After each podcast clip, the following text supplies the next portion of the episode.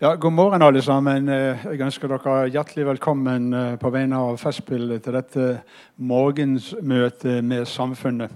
Og Det arrangeres i regi med Studentersamfunnet og Bergen offentlige bibliotek. Og Sjur Selsvik skal lede eh, møtet. Og eh, Tittelen er 'Ytringsfrihet og ytringskultur'. Så hjertelig velkommen, og igjen, vær så god. Tusen takk for det.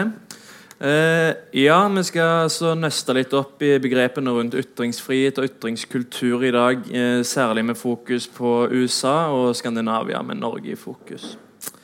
Uh, med oss til å nøste litt opp her så har vi lengst fra meg statsviter og forsker ved Norse samt USA-kjenner Hilmar Mjelde. I midten har vi professor i retorikk, også USA-kjenner, Jens Fjelsen. Eh, og nærmest meg har vi programleder i podkasten 'Norsken, svensken og dansken', journalist og samfunnsdebattant Hilde Sandvik. Ikke USA-kjenner. Den eneste nordmannen som ikke er USA-kjenner. Til gjengjeld så er du i hvert fall eh, Skandinavia-kjenner. Eh, og det er litt fiffig at vi nå begynner å kalle USA-eksperter for kjennere i stedet. Er det mer komfortabelt, kanskje? Jeg vet ikke om jeg kaller meg selv USA-kjenner, men jeg har bodd i USA og er veldig opptatt av amerikansk valgkamp. Da skal vi prøve å dra nytte av det. i hvert fall eh, Først så vil jeg snakke litt eh, rundt disse begrepene. Fordi veldig ofte i denne diskusjonen eller disse type diskusjoner så ender vi med å snakke om ytringsfrihet. Eh, I dag skal vi også snakke litt om ytringskultur. Hilde, kan du nøste litt opp i hva forskjellene mellom disse begrepene er? Oh, det var et stort og vanskelig spørsmål. Altså, Ytringsfriheten er ramma inn av eh, både et lovverk eh, og, og, og, en historie der en, der en gjerne kan også si at ytringsfrihet er alle friheters mor. Sant? Um, uh, ytringskultur er hva skjer i møtet, altså hva skjer i samfunnet og der ute. Eh, det, altså, hva type dokser er det for hva vi snakker om, eh, og ikke snakker om. hvor er rammene for det? altså et sånn klassisk eksempel på der ytringskulturen viser seg å ikke fungere, er saken med Lan Marie Berg, som vi jo alle kjenner til. som har spunnet opp masse diskusjoner etter eh, forrige uke. Der Lan Marie Berg blir eh, trua på livet, eh, kalt riskokeren, eh, rasistiske tilrop osv. Og der sjøl olje- og energiminister går ut og sier 'nå får det faen være, meg, være nok'. eh, men, men, så er det jo òg sånn ytringsfrihet eh, for individet sin del. Sant? Og så er det ytringsfrihet som er knytta til institusjonene, universitetene, eh, pressen. Eh, og jeg er helt sikker på at her sitter noen og klør i fingrene for å på en måte ut, ut, utvikle det jeg sier her nå. Jens, sa jeg feil? Nei, det gjorde jeg ikke. det blir feil å si om man sier feil. Jeg tror ikke det er det som er saken. Men innen jeg sier noe, vil jeg gjerne si tusen takk til Studentersamfunnet. Fordi vi er utrolig glad for å ha Studentersamfunnet og veldig flinke og aktive studenter i byen. Særlig når man jobber på universitetet, så det setter vi stor pris på. Men jeg vil også takke Bergen offentlige bibliotek, som er en aktiv, øh, involverende, engasjerende, levende institusjon. Det er ikke alle byer som har et sånt bibliotek, så tusen takk for det. Og så synes jeg det er bemerkelsesverdig at Når vi snakker om disse tingene, så snakker vi ofte om uh, ytringsfrihet, som stort sett er jeg har lov å si hva jeg vil. Og det har man jo selvfølgelig ikke. Og så snakker vi om ytringskultur, men vi kan jo også snakke om ytringsansvar. Altså Du har ansvar for det du sier. Det som jeg syns er interessant med uttrykket ytringskultur, det er at det er noe som er i prosess. Altså Måten vi snakker sammen på som mennesker, er noe vi utvikler over tid. Så hvis jeg snakker med min kone, så har vi også ytringskultur, for å si det sånn. Hun sier noe, og så sier hun nei, det syns jeg var veldig dårlig sagt. Og så sier hun nei, da kan jeg si det på den måten. Og så utvikler vi en måte å snakke på. Og Det gjelder jo ikke bare ektefeller eller studenter eller familier, det gjelder også nasjoner. Og det gjelder over overalt i nasjoner, altså internasjonalt. Så, så, det som er viktig med ytringskultur, syns jeg, det er at man må tenke på at det er i prosess. Og Det betyr også at man må være litt velvillig. Fordi ytringer er egentlig formet av regler. Og det som vi merker nå, det er at reglene endrer seg. Og det gjør de hele tiden. Nå er det ting vi ikke kan si som vi kunne si før, fordi de sosiale regler er sånn. Og så den siste ting Helmer skal få lov. Legg merke til når vi snakker om ytringsfrihet, ytringsansvar, ytringskultur, så snakker vi stort sett om den som snakker. Men hva med den som lytter? Vi må jo også ha lytteransvar, eller publikumsansvar. Hvis denne hendelsen her i dag skal bli en god hendelse, så nytter det ikke noe at vi bare snakker. Da må vi ha publikum med oss, og det vil den være som er musiker, f.eks. Så hvis jeg sier noe som fornærmer en annen, så har jeg ansvar for det jeg sier. Men den som lytter, har også ansvar for måten han eller hun lytter på. Og Det kan f.eks. innebære en form for tilgivelse hvis jeg sier noe som fornærmer. Så jeg tenker vi må også gi ansvar til den som lytter.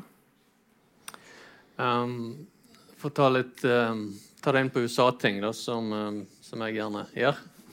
Um, så er jo dette her uh, altså, det, er en, um, det, er noen grunnleggende forskjeller på, på debatten som, som, den skjer her i Norge, og, og sånn som den skjer i USA nå. For her i Norge så er ikke det liberale demokratiet trua. Men i USA så er det liberale demokratiet trua.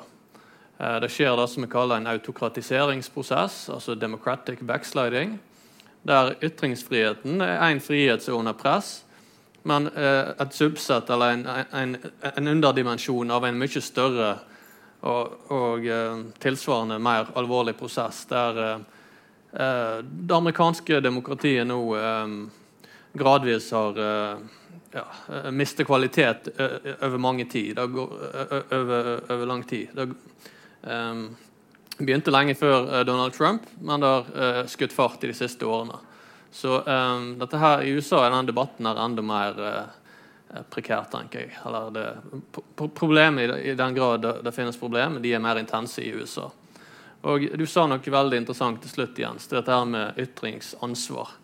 For hvis jeg skal si om um, jeg tror ytringsfrihet eller ytringskultur, om, om det er trua i dag, så er det da tre tendenser som jeg tenker er farlige potensielt.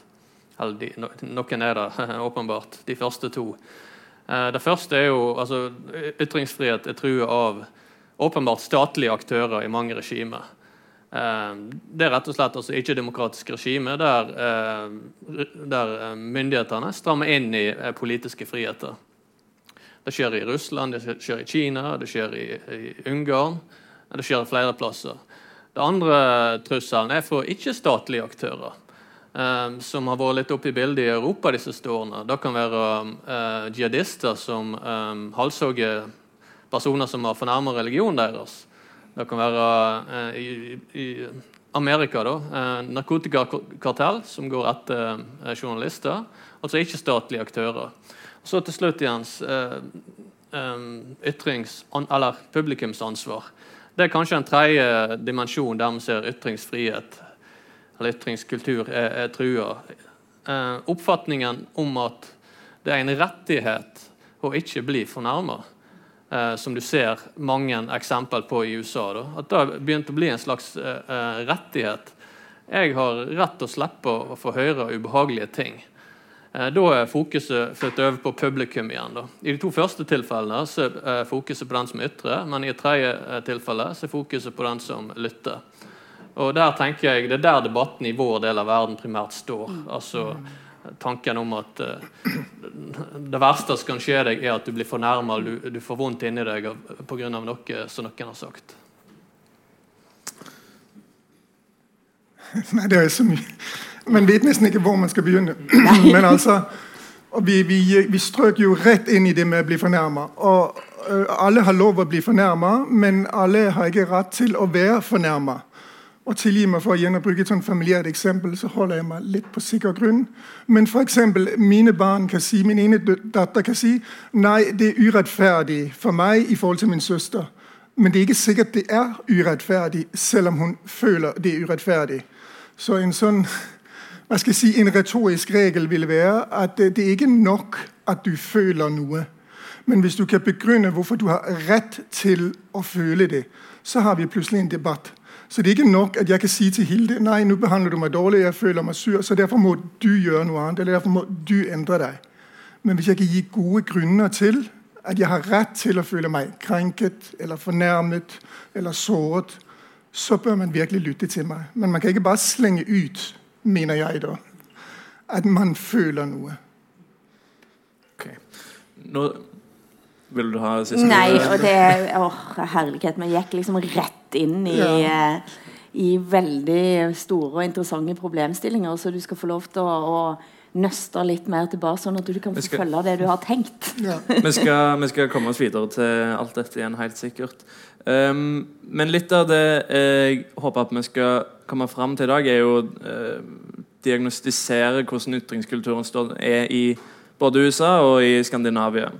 Uh, for å gjøre det så tenker jeg at uh, vi aller først konkretiserer hva vi ser etter i uh, en god ytringskultur. Og det har jo dere vært litt inne på nå. Men Hilde, hvis du vil bare avslutningsvis nå konkretisere hva er det vi ser etter dersom vi skal ha Oh. en god og sunn ytringskultur? I en god og sunn ytringskultur, mener jeg, men dette er jo, jeg er jo praktikeren i dette og ikke teoretikeren i det, men i en god og sunn ytringskultur så skal en kunne snakke om alt.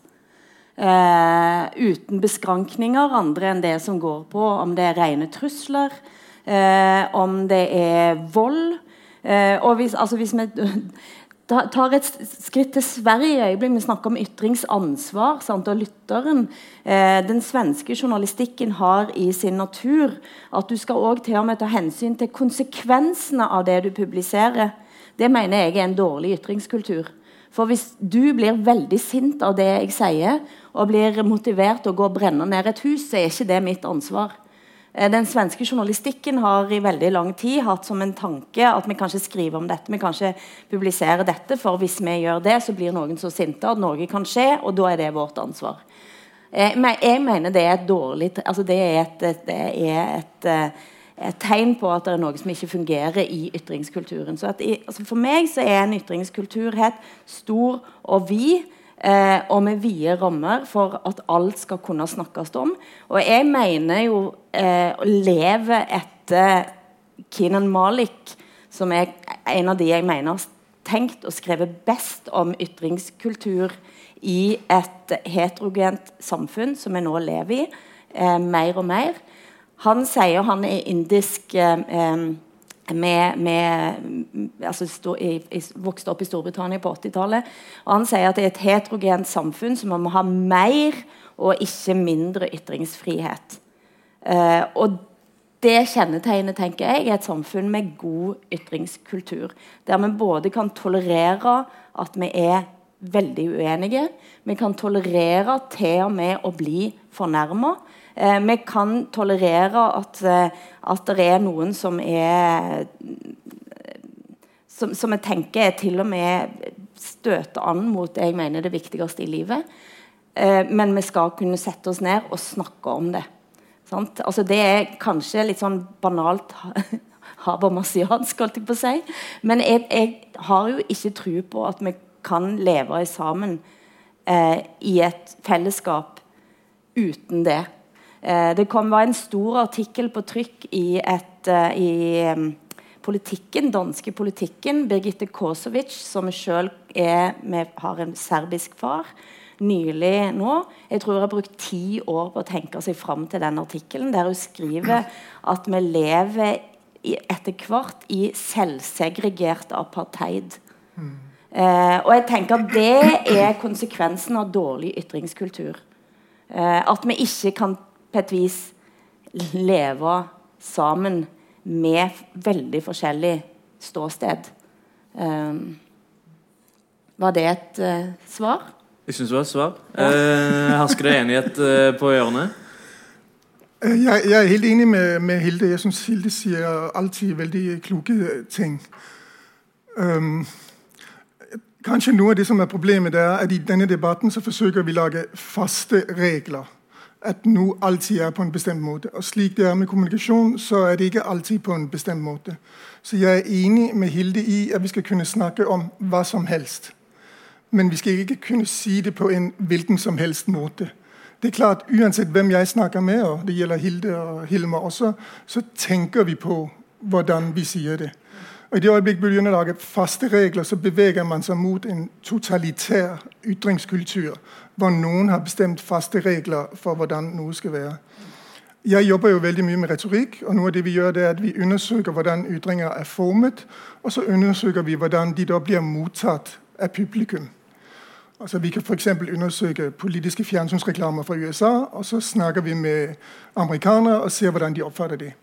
Og Noe av det man ser i den type forskning, og mange mange både medieforskere og retorikere driver på med sånt, det er at noen ganger så blir man uklar, det blir det usikkert hvor meningen ligger. Altså Ligger meningen i det jeg sier, i min intensjon? Ligger meningen i teksten som slik den foreligger foran meg? Eller ligger meningen i det jeg sier, i den som oppfatter det? Og I det øyeblikk man begynner å tenke sånn, så tenker man at da blir det veldig vanskelig å lage noen faste regler. Og det er når man opp der hvor retorikere nesten alltid ender opp, nemlig med å si 'det kommer an på'. Og Det betyr at ytringskultur krever øh, situasjonsforståelse, kulturell og interpersonlig finesse. Man må lytte. Så jeg blir alltid urolig når noen i denne debatten sier 'det må være sånn', eller 'det må være sånn', eller hvis noen forsøker å påtvinge meg eller andre eller grupper faste regler for hvordan vi skal snakke, så mener jeg da er det god grunn til å være urolig. Hilde, du kan jeg bare litt skyte inn litt? For det at, eh, jeg syns det er veldig interessant. Eh, og så igjen da, som, som eh, praktiker inni dette jeg, har, jeg skrev en bok om hersketeknikker for veldig eh, mange år siden. I går fikk jeg faktisk eh, en preprint som det heter på ukrainsk. Den kommer ut i Ukraina nå. Eh, og, og og det som er hovedpoenget der òg, eh, og det handler jo om på en måte du føler, altså når du føler det blir utsatt for hersketeknikker Du kan sammenligne med å føle å bli krenka eller fornærma eh, på ditt ståsted. Og det som jeg og min medforfatter Jon Risdal hele veien har sagt, er at før jeg går jump to the conclusion at Jens sa dette til meg for å fornærme meg, så skal jeg undersøke det først. Og den undersøkelsesplikten den mener jeg faktisk ligger på den som, som kjenner, kjenner, det sånn. Kanskje du hadde en elendig dag. Eh, det er ikke fordi at du ikke liker damer eller syns at damer er veldig dårlige at du kalte meg med feil navn. Altså, det, er sånn, det der å speile situasjonen og Det, tenker, det, det, er, det høres også veldig sånn altfor sånn praktisk ut sånn, Når en bare lager sånn hersketeknikkurs rundt i verden, så går dette bra. Jeg tror ikke det. Men det ligger noen ting der som er sånn Den følsomheten vår, redselen vår for å si feil ting etter hvert, blir såpass stor da, at, at det tar en eller annen form for frihet eh, vekk. Og da tenker jeg at det å da iallfall i det minste sjekke eh, Var han egentlig rasist, holdt jeg på å si, eh, er et stort savn i dagens ytringskultur og ytringsklima. Ok, nå uh, så er vi ute og landa på en del ting. Ikke veldig lett å definere, men at den er avhengig av å snakke om alt, men òg ha et ansvar for måten en fremsetter ting på. Uh, og generelt så virker det som det behøver et behov Det er et behov for uh, toleranse og villighet til dialog, som dere setter i sentrum omtrent, i hvert fall. For å prøve Både å for den som snakker, og den som lytter. Ja. Ja, Gjensidig ansvar. Ok. Men da går vi videre til første eh, eh, empiriske eksempel. da. Eh, vi har jo to eh, forskere med som har eh, bodd eh, en del i USA. eh, I noen opphold, og med over ganske lang tid òg. Så jeg er veldig interessert i hva dere mener eventuelt har endra seg i de siste årene. Uh, Hilmar, du sa jo at det starta ikke med Trump, men det har vært lenge. Uh, kan du utdype litt på det? Ja, uh, Nå snakker man jo veldig masse om den politiske polariseringen i USA. Men jeg tror egentlig man kan si at politisk polarisering har vært og, altså at, og at liksom denne ytringsfrihetsdebatten er en del av det bildet. Men den, den polariseringen som vi snakker om i USA, er egentlig det vanlige. Og, og eh, eh, en sånn periode med sånn relativt nasjonal konsensus. Det tror jeg man kun så i perioden fra ca. andre verdenskrig fram til eh, Vietnam. Det begynte jo å, å, å um, gå i oppløsning lenge før Vietnamkrigen eskalerte. da. Men eh, egentlig altså sånn, Sett vekk fra de glade, de glade 50-årene, så har USA egentlig alltid vært et sånt ikke-perfekt eh, demokrati. Og ytringsfriheten eh, det bare en del av det problemkomplekset der. Men for å ta ned på et litt mer sånn eh, ja, kanskje direkte tilknyttet til det vi snakker om nå. um, så er det i dag særlig en debatt om, om denne tredje dimensjonen som, som jeg definerte som, som alle er inne på her nå. Altså den, dette med forholdet mellom um, den som snakker, intensjonen til den som snakker, versus persepsjonen eller oppfatningene til, til de som lytter. da. Uh, og der tror jeg altså, Debatten er liksom, fokuset er skikkelig på det i USA nå. Det, det, juridiske ligger fast. Liksom. Det, altså, retten til å ytre seg er definert gjennom første grunnlovstillegg. og liksom, ikke, Det er alltid noe sånn juss-søksmål som pågår i USA, men i store og hele så ligger altså, den dimensjonen der ligger fast. Det, det er ikke sånn juridiske innskrenkninger på ytringsfriheten. Men det er altså på den, denne tredje dimensjonen med eh, det som jeg eh, kalte en sånn rett til å ikke bli eh, krenka. Eh, det, er det veldig stort fokus på nå i USA. Eh, og Særlig da gjerne universitetene som er sånn prygelknabb, som er liksom sånn eh, Exhibit A i forhold til um, til der det står verst til. Um, for På amerikanske universitet når de begynte å bli integrert på 1970-tallet, det begynte å komme kvinner der, minoriteter, så økte det òg eh, altså, med det som i dag kaller hatkrim. Eh, forskjellige typer sånn, altså hets mot eh, seksuelle minoriteter, etniske minoriteter, kvinner. Og så i et forsøk på å ivareta det som er viktige universitetsverdier, eh, altså mangfold og toleranse, så begynte man å innføre såkalte speech codes på 70-tallet. Da var det Wisconsin det kom først. Som bare har eskalert, og som er ulike sånn, eh, policyer på universitetene for å prøve å skape Uh, ja, en god ytringskultur, egentlig. Det er jo altså det, det fine intensjoner bak dette. her. Men så har det da, uh, tror jeg kanskje man uh, har overkompensert i en del tilfeller. du har begynt å få Det er særlig tre typer sånn kontroversielle speech codes som, som gjerne blir latterliggjort. Og, og jeg, vil jeg si ofte med god grunn. Det ene er dette her med såkalte safe spaces som uh, man ser, det er da at universitetet har uh, definerer sånn fysisk område der du kan gå for å være sikker på at du, du skal slippe å, å, å, høre vonde ord og vonde tanker og vonde ideer. Uh, så du skal, du skal, få slippe å føle sånn emosjonell sånn, smerte ved å bli eksponert for en del um, type tankegods. Det andre er såkalte trigger warnings, som er at en professor en, en, foreleser, advarer om at nå skal jeg si noe som du kanskje vil føle ubehag ved å høre. Så Det er nærmest som en sånn aldersgrense som, før, før, du setter på en film. Så sånn aldersgrense, så nå, nå, kan det komme ting som ikke egner seg for alle. Uh, og Det tenker jeg er kjempeproblematisk. for Poenget med et universitet er at du skal bli eksponert for uh, forskjellig tankegods som utfordrer deg. Altså Det er en plass for å lære seg å tenke, der du skal sortere tankegodset ditt. Det er poenget med et universitet. Så da definere soner der du skal slippe å måtte møte ubehagelige tanker, jeg synes det er kjempe, kjempeproblematisk. Og Det tredje um, eksempelet på sånne kontroversielle speech codes, altså nevnte safe spaces, trigger warnings, det er da såkalt mikroaggresjon. Eh, der da eh, man definerer ulike typer atferd som eh, aggressiv som man nok, altså veldig mange folk ikke vil tenke på som aggressiv. Um, så, så er det et par sånne, sånne hakeslepseksempel på det. Det ene er et universitet i California som innførte um, en regel om at um, ikke, man skulle ikke lenger kunne si at um, 'America is the land of opportunity', som er liksom et sånn klassisk amerikansk uh, slagord. da. For Da impliserte at de som ikke lykkes i USA, har tilkortkommenheter sjøl. Så det, var, det ble da definert som mikroaggresjon. Eh, og så har man andre eksempel, som er uh, over University of Connecticut, der uh, man innførte en regel mot uh, 'inappropriately directed laughter'. Altså Hvis du ler uh, på en plass som noen syns du ikke burde le, så var det et brudd på ta god talekultur.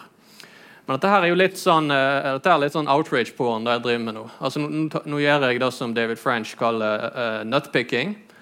Eh, som er et ordspill fra nitpicking til nutpicking, der jeg, eh, jeg, løfter litt fram de ekstreme eksemplene. Så kan man få inntrykk av at sånn er det i hele USA, men det er det selvfølgelig ikke. da. Men det, men det er, liksom, det er liksom de, sånn, altså de eksemplene som når media. da.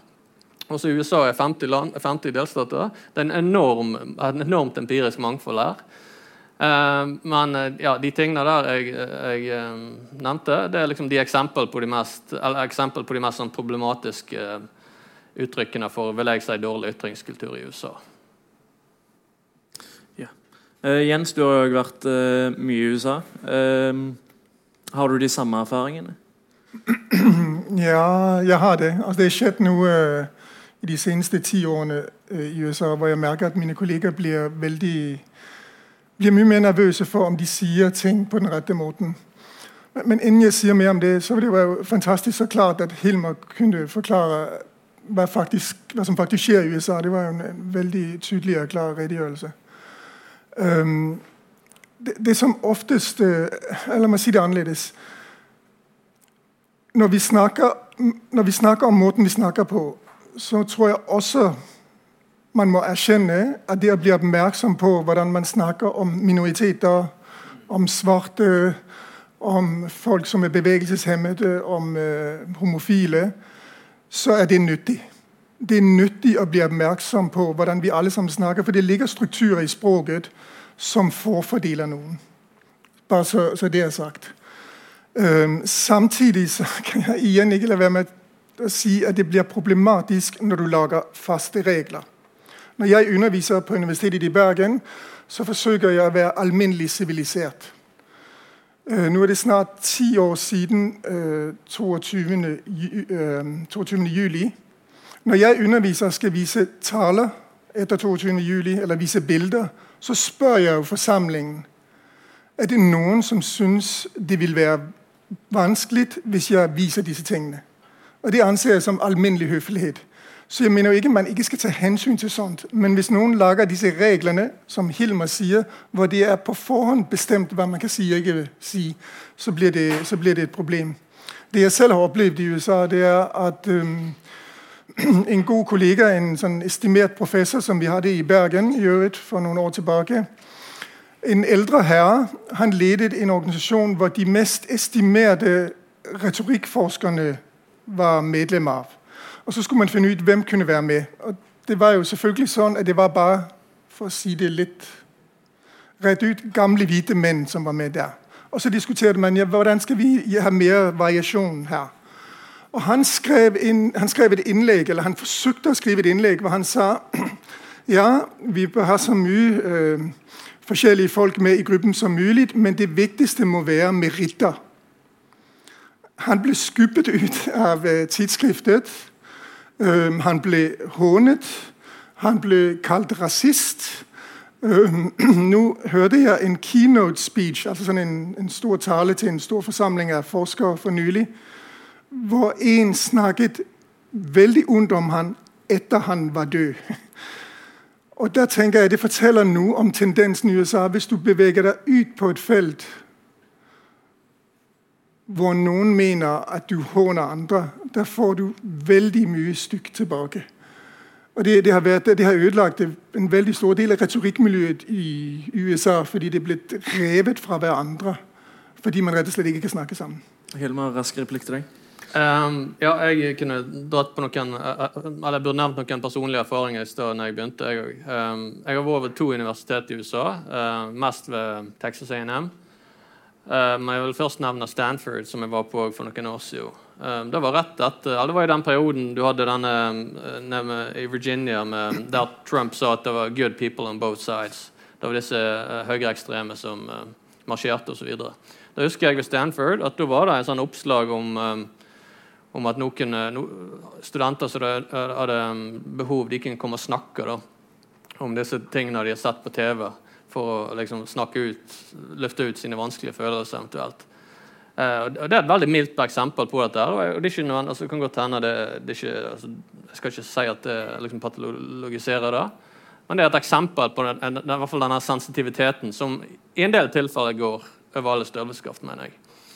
Men på den andre sida, ved Texas A&M, som er USAs største universitet, uh, men er en konservativ eh, studentmasse, da har man litt andre typer utfordringer.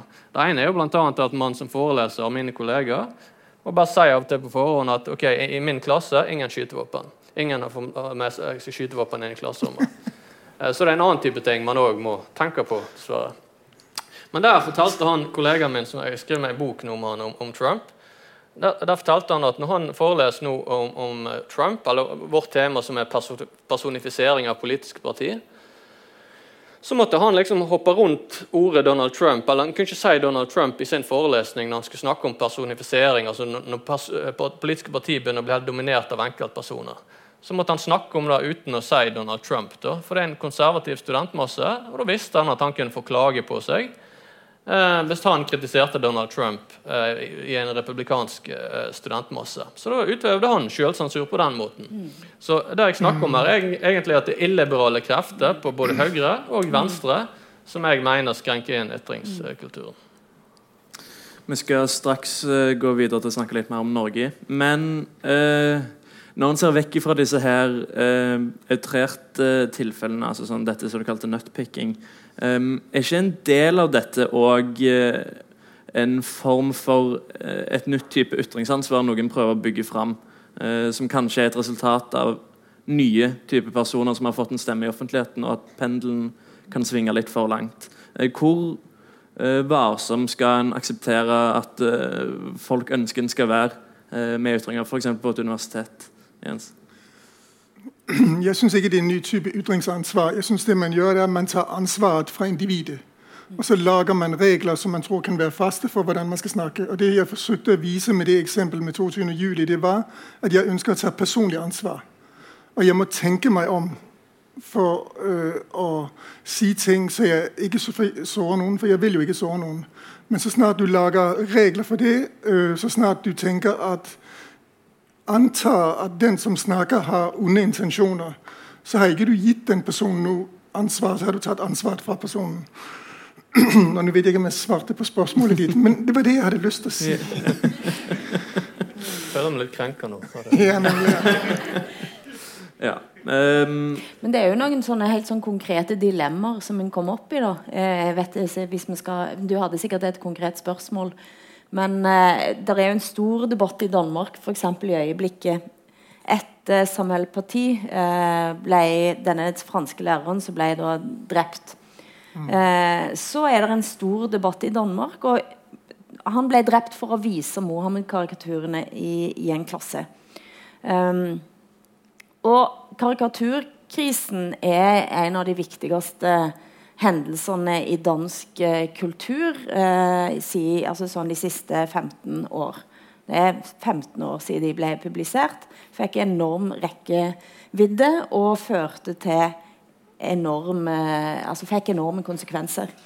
Eh, og, og, nå er det en stor diskusjon blant lærere i Danmark, men òg på, på ministernivå, skal en vise Mohammed-karikatur i danske klasser. Eh, og, og, den diskusjonen der er betent på mange vis. Lærere føler seg utrygge. Eh, eh, pålegger seg selvsensur. Mm. Og så er spørsmålet skal du da tvinge eh, lærerne til å vise. Sant? Og dermed på et vis ta vekk ansvaret fra læreren. Mm. Eh, skal en eh, eh, skal en presentere det med å si f.eks. innledningsvis at eh, dette, eh, dette ble publisert som en hets av muslimer i utgangspunktet. Noen har foreslått det òg. Og si sånn, og gi en disclaimer først at dette var for å provosere, men nå viser vi det allikevel, og nettopp for å kunne diskutere dette, som er jo også en måte å omskrive historien på. Men det skaper noen store dilemmaer, og der settes det jo på spissen fordi at folk blir faktisk drept. Eh, og, hvis, og, hvis, det var jeg som var lærer, så er det selvfølgelig sånn at jeg vil tenke skal jeg gjøre det, eller skal jeg la være å gjøre det.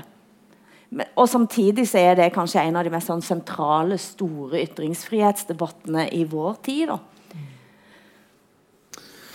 et av de sentrale eh, dilemmaene som også eh, gjelder, er jo det at det er en rekke typer ytringer som er langt innenfor ytringsfriheten, gjerne, men som selv eh, uansett kan fungere innskrenkende for andre. For altså du nevnte jo Land eh, Marie Berg-saken eh, eh, tidligere i dag, og det er jo et ganske ekstremt eksempel.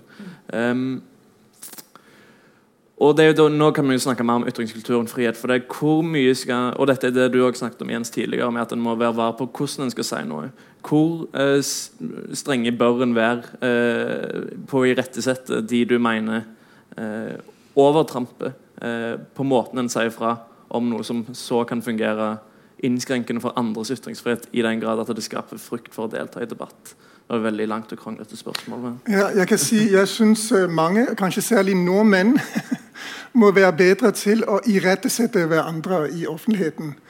Altså, det er ikke mange nordmenn for å ta et helt annet eksempel, som jeg kjenner, som vil si på en restaurant hvor de får dårlig mat, når de blir spurt smakte det, så sier de ja, ja, det var deilig. Men det var ikke deilig. Så jeg tror det første vi må skille oss av med, det er denne frykten for å berøre andre i offentligheten verbalt. Mm. Og bare verbalt. Da. Man skal kanskje ikke gå rundt og berøre folk, og særlig i disse tidene. Så, så jeg tror man, vi, vi, jeg mener vi må irettesette folk hvis vi mener de sier noe. Um, og Jeg har selv gjort det både i offentligheten og i sosiale lag, og jeg har fått veldig mye kjeft for det. Og Jeg har ofte sittet helt alene mens alle andre var helt enige, og de syntes at jeg var en voldsom uh, tulling. Men jeg mener det er vårt ansvar hvis noen snakker på en måte til andre som vi syns er feil, så må vi gjøre oppmerksom på det. Nettopp fordi jeg mener det må ikke være faste regler for hvordan vi skal ytre oss. Dette er noe vi må finne ut i fellesskap og det kan vi bare gjøre hvis vi hele tiden korrigerer hverandre. Hvis ingen korrigerer, så ender vi, som Hilmar for så vidt sa før, med en voldsom overkorrigering på et tidspunkt, og så blir det innført regler. Så vi må ha en felles offentlig samtale hvor vi um, hjelper hverandre og begrenser hverandre med ytringer som kan være skadelige. Hilma, du eh, snakket jo litt om eh, det at du var litt bekymra for eh, universitetskulturen i USA. Eh, både du og en som har jo forelest lenge på Universitetet i Bergen òg. Eh, har, har, du noe av den samme eh, bekymringen eh, her? Ja, nå har jeg de siste fem-seks årene egentlig ikke forelest um, på universitetet uh, pga. at jeg har hatt andre typer stillinger også på universitetet. Så de eventuelle endringene som har skjedd de siste årene, uh, har ikke jeg uh, opplevd. Da. Men um, nok alle to andre tilliggende problematikker her, som kanskje mine meddebattanter kan si noe om, som jeg opplever kanskje er kvalitativt nytt, og ikke bare på universitetet, men òg ellers i samfunnet, det er en eller annen mangel for, altså manglende toleranse for det å trakke ut i. Når folk sier noe som er dumt, og som bør kritiseres, så stopper man ikke der. Nei, Disse personene her må få konsekvenser. Man ser det spesielt i USA fortsatt. Du har journalister som gjerne tweeter et eller annet dumt som med rette blir kritisert. Men så var de 18 år gamle, og så får ikke de jobb liksom 15 år seinere. Da tenker jeg liksom bare WTF. Altså. Eh, hva som skjer hvis det ikke er toleranse for at folk kan dumme seg ut og si eh, ting som er urimelige? Altså, jeg vet ikke om det er nytt, men det er noe som jeg i hvert fall synes jeg ser en del i amerikansk debatt nå en nulltoleranse for feil. Det andre er Jeg håper ikke jeg går for langt fra uh, det opprinnelige temaet nå. Men uh, i forlengelsen av ytringsfrihet dette her nå, så er jo det, altså de snakker om det, så er det dette med sånn woke-kultur. Det er jo litt det vi egentlig indirekte går inn på her. altså En sånn type sånn social justice-tankegang der nå med alle, alle skal på en måte kjempe for den gode sak hele tida. Uh, som jeg syns jeg merker mer på universitetet. da. Du merker det i forhold til uh, kostholdsregler på julebord. i forhold til, altså Du merker på flere felt en sånn tanke om at vi, liksom, vi må kjempe for en god sak, og at det blir en del av det problemkomplekset. Alle sammen må marsjere i takt for en god sak. Jeg setter litt på spissen nå, men jeg, jeg, ser det som kanskje Det er mer sånn jeg opplever denne type debatten er litt sånn mer utvidet som problematisk. Hilde, du er jo eh, titt ofte i samfunnsdebatten eh, og har vært det i lang tid. Eh, Merker du noen endringer i hjemlandet? Ja, altså det er det jo. Og så er det ting der som, som, jeg tenker er absolutt til det bedre. Jeg syns at det er helt fint at vi blir obs på uh, at, at, vi er ulike. Sant? Jeg syns det er helt uh, altså, Det er veldig mange ting i den utviklingen som skjer nå, som er, som er bra. det er bra at vi får en taler stol som ser annerledes ut. At det er bra at det er, at det er flere stemmer i offentligheten. Eh, at det ikke er bare hvite menn, eh, eller hvite kvinner for den del. eller at Det ikke er, Så det, det, er veldig mye som egentlig som er både positivt og konstruktivt. Men jeg reagerer på samme måte som Hilmar mot en tendens eh, som, som, som heller i retning av at det finnes noe veldig rett og noe veldig galt. Eh, og det blir en dogmatikk. Og jeg, tror, jeg, har av og til lurt på om grunnen til at jeg har en sånn innebygd følsomhet for den type dogmatikk, er at jeg kommer fra bibelbeltet. Altså Jeg kjenner lusa på gangen. Altså Når ting blir religiøst, Og når det til og med blir religiøst uten en nåde, som Hilmar snakker om her eh, At hvis noen har gjort en feil, så er du dømt til liksom, helvete for evig tid. Eh, det reagerer jeg instinktivt mot. Eh, og jeg insisterer på at rommet skal være hvitt og stort, både for feil og mangler og skakkhet og til og med dårlige dager. Og til og med dårlig tankegods. da. For vi er, for vi er så altså, Hvis vi skal leve tett på en annen, så må vi òg ha en, en, kjærlighet for omgivelsene våre. Og den kjærligheten må være vid og brei, og den må òg tolerere at vi, vi, rett og slett eh, ikke alltid klarer å tenke skarpt og godt. Eh, og jeg, jeg, kom til å tenke på når vi sitter og snakker her nå, for jeg har en sønn, og han, han eh, altså, han, han syns det er greit at jeg forteller dette, det vet jeg. Eh, og han, eh, han er jo selv homofil og er på en måte den altså minoritet. og jeg har i, Siden han var fortalt meg dette når han var ganske liten, så har jeg sagt 'ikke være krenker'. Altså liksom, Vi har diskutert hva er krenkelse.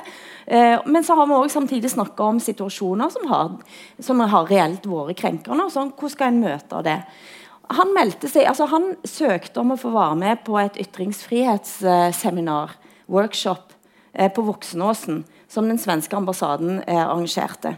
Eh, og Der skulle det være norske og svenske ungdommer mellom 16 og 20 år som skulle sitte og diskutere ytringsansvar og hate speech. Så kom han tilbake og så var han helt sånn vet du hva?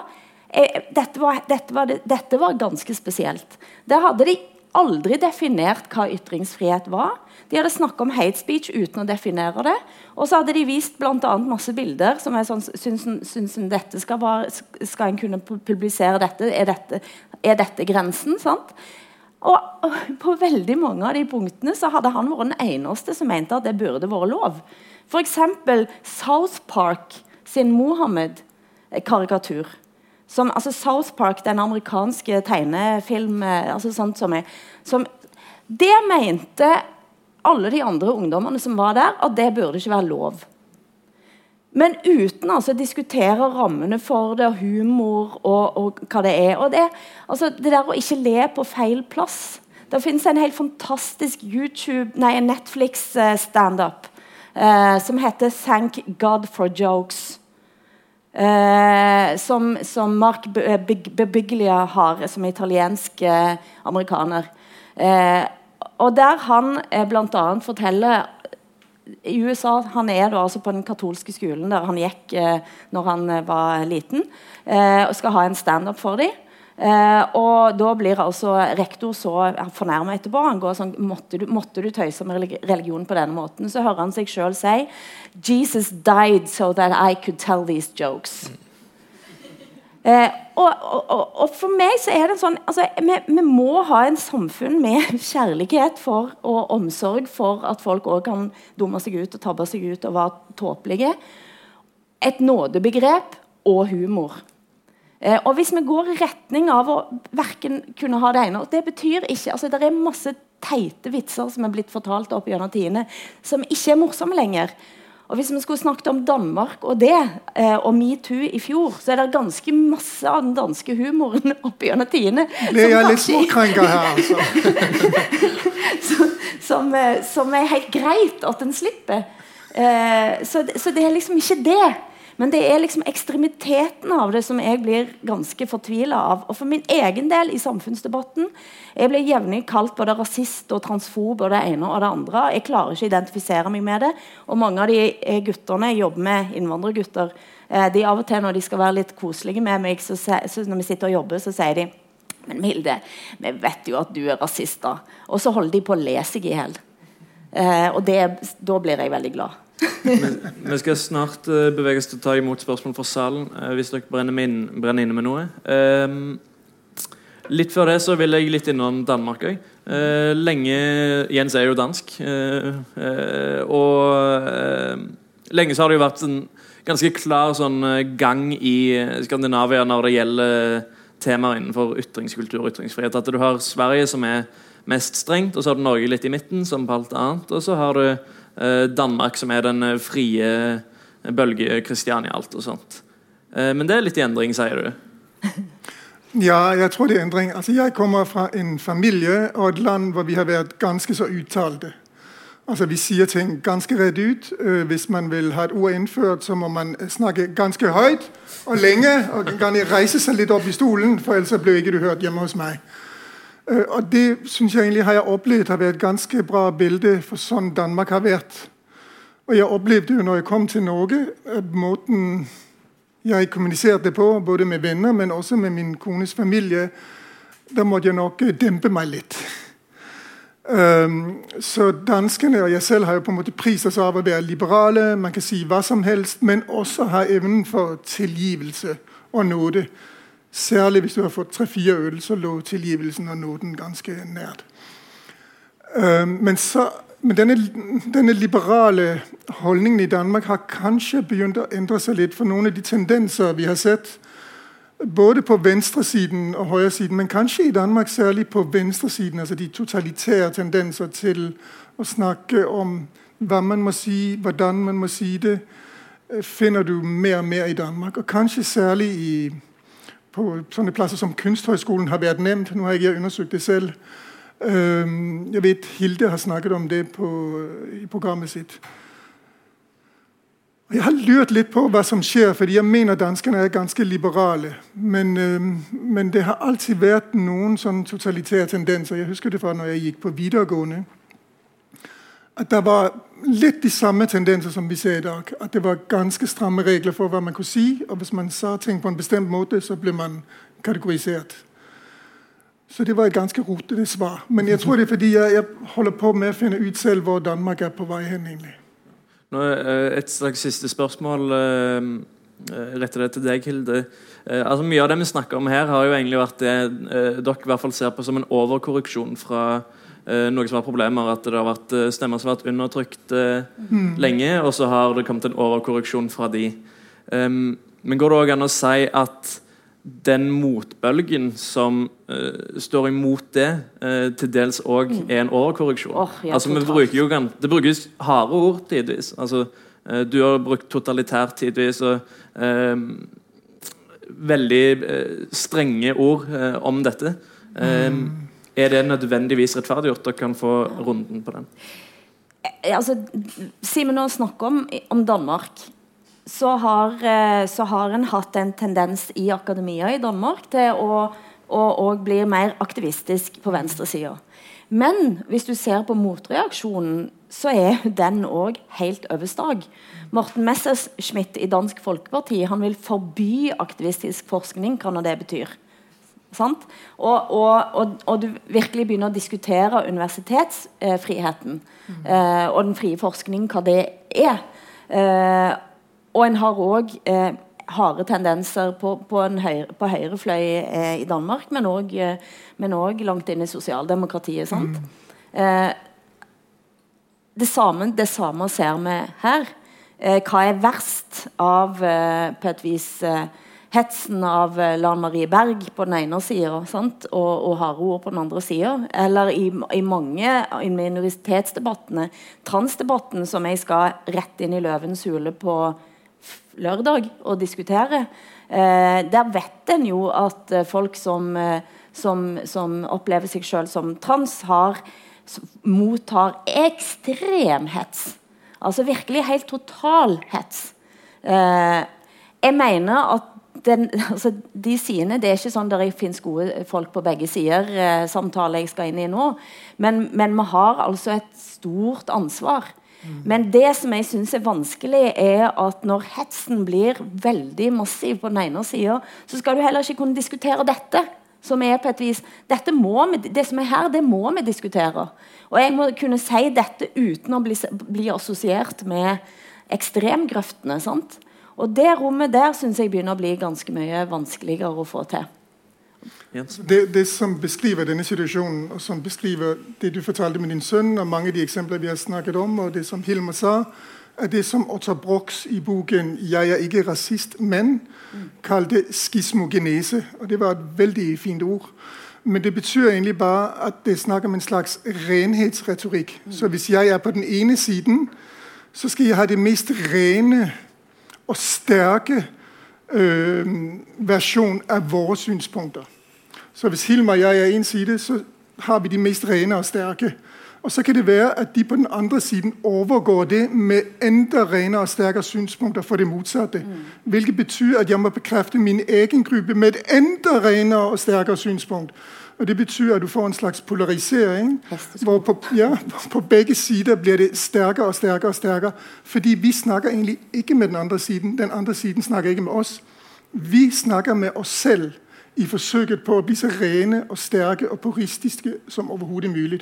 Og Der har du den polarisering som mange av oss for har opplevd på Facebook. Hvis du tilfeldigvis forviller deg inn på en Facebook-gruppe og sier ja, men kan det være riktig, da får du massiv overfall. Fordi man dyrker en slags renhetskultur og styrke i ytringene som egentlig bare tjener til å skape fellesskap imot de andre. Ja, eh, det var et veldig um, skarpt observert spørsmål du kom uh, med der til slutt. For vi snakker her om eksesser sant, i ene eller andre retningen. der. Um, og Det er da jeg tenker så er problemet spesielt i USA, men vi ser tendenser i Europa òg. Det er en sånn eskal eskal eskaleringsdynamikk der uh, hver part hopper på den siste eksessen til den andre. Og så blir det en sånn uh, evig sirkel av uh, overkorrigering. da. Og så får du en sånn katastrofisering av debatten. Mm. med sånn Flight 93-retorikk, som vi kaller det. Altså der liksom til enhver tid så står landet eller republikken på spill. En sånn type katastrofetenkning som dette er en del av. Så Jeg, jeg, vet ikke helt hvor disse grensene går. Altså Ytringsfrihet er så ullent, og derfor er det så vanskelig. Så jeg håper ikke at eh, vi her eh, går for langt i en annen retning, og at vi overdriver problemet. Det er bare uh, veldig vanskelig å, å, å vite hvor, liksom, hva som er riktig til, til enhver tid. Så um, jeg har ikke disse svarene her sjøl, uh, men Uh, ja, Det er illiberale krefter på høyre og på venstre, og de er jeg imot. For jeg er for det liberale demokratiet. Jeg er for det gode. Um, så jeg skal bare si til slutt Hvis dere vil ha et sånn um, skikkelig godt eksempel på sånn amerikansk uh, outrage porn, um, så går det da på YouTube og så googler det sånn Yale professor hackled by students. Du ser Det det er liksom sånn, noe av det som virkelig løfter opp den debatten her i USA. Det var da en sånn professor ved Yale som er omringet av en, en, en, mobb av studenter som eh, konfronterer han med hans mikroaggresjon. Bl.a. at han ikke husker fornavnet deres. Det er da mikroaggresjon. Så han er da en sånn guilt-soaked uh, white liberal som står der og bare blir uh, hudfletta i en halv time av studenter. Så det er liksom den type eksempel Nå nettpikker jeg. nettbygging. Den type eksempel som liksom bidrar til den eskaleringssyklusen i USA. og Jeg bare mm. anbefaler alle å se det på YouTube. Mm. Og så tenker jeg at vi må høyne litt terskelen for hva vi skal kunne tåle. Eh, og over der så skal vi få støtte eh, fra eh, både et fagfellesskap og andre rundt. Og gjøre sånn som da, eh, Jens her sier, at vi andre Det er liksom lærer Bjørndals metode som Trine Eilertsen skrev for veldig mange år siden. Hvis jeg ser eller det er Berit Aas og hersketekniker for den del. Hvis jeg ser at du blir utsatt for noe, så skal jeg si ifra. Eh, sånn at vi er flere rundt. Jeg tror aldri vi kan komme til å lage en offentlighet som er fritt for uh, ubehag. Nei, det kan vi ikke. Så dels må vi lære å leve med ubehag. Men hvis man skal gjøre det som jeg er fortaler for, nemlig at vi må styre den, de offentlige ytringer uh, ved hjelp av sosiale normer, så nytter det ikke noe at noen er anonyme. For da kan ikke du arrestere folk. Så det er den første vi må komme av med, det er anonymiteten på sånne sider som, som har Men det hjalp ikke, så du Lan Marie Berg, så var det fullt navn over hele linja. Så det Hilmar, siste ord. var en kort replikk. Ja, eh, det som har endret der, tror jeg, er sosiale medier. Det er iallfall én ting som endrer det, som ofte er en åpen kloakk. Um, og det er, litt av problemet der er at man mister sosiale uh, kontrollmekanismer. Man kan ytre seg på sosiale medier uten å bli stigmatisert for at man uh, velger sine fora. Og, og, når det liksom brer, brer om seg, eller derfor uh, uh, sprer seg til andre debatt, eller mainstream debattspalter Jeg lurer på om det er det er i ferd med å skje. Det er i hvert fall det som er mitt inntrykk. For jeg, jeg, jeg får masse crap òg, på e-post, SMS, Messenger. Og jeg blir bare helt sånn forbløffa av graden av irrasjonalitet og, og urimelighet. Så det er blitt gitt et slags sånn grønt lys for å bare være sint i dag. Du kan bare være sint, du trenger ikke være rimelig, du kan bare være sint. Uh, og, da, og da ser vi liksom Vi ser det overalt. Så uh, om det er nytt Jeg vet ikke, Kanskje det er litt recency bias når jeg sitter og snakker nå, jeg tenker at dette her er mer nytt enn egentlig uh, At det har vært sånn før òg. Jeg vet ikke, men for, for, jeg kan se det ut som å henge i lag med sosiale medier spesielt. Lynraskt. Ja. eh, Jeg bare, jeg bare en liten anekdote. I går oppdaget jeg en, enda en boks på Messenger-meldingen min eh, som jeg ikke hadde åpna før, med masse folk som hadde sendt meg meldinger.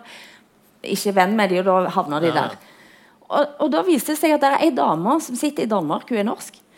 Minst én gang i måneden fra september i fjor så har hun skrevet meldinger til meg, lange meldinger om hvor idiotisk jeg er, hvor lite jeg kan, hvor flau hun er over at jeg er nordmann. Eh, og, så Én gang i måneden, minst! Eh, lange meldinger. Og hun ser jo at jeg har ikke åpna det engang. Og ikke lest. Og ikke kommentert. Og hun holder det gående. Så skriver hun alltid 'med vennlig hilsen'. Der har du tittelen på en god bok om ledighet med vennlig hilsen. Uh, der må vi sette strek. Vi kunne sikkert snakke mye lengre.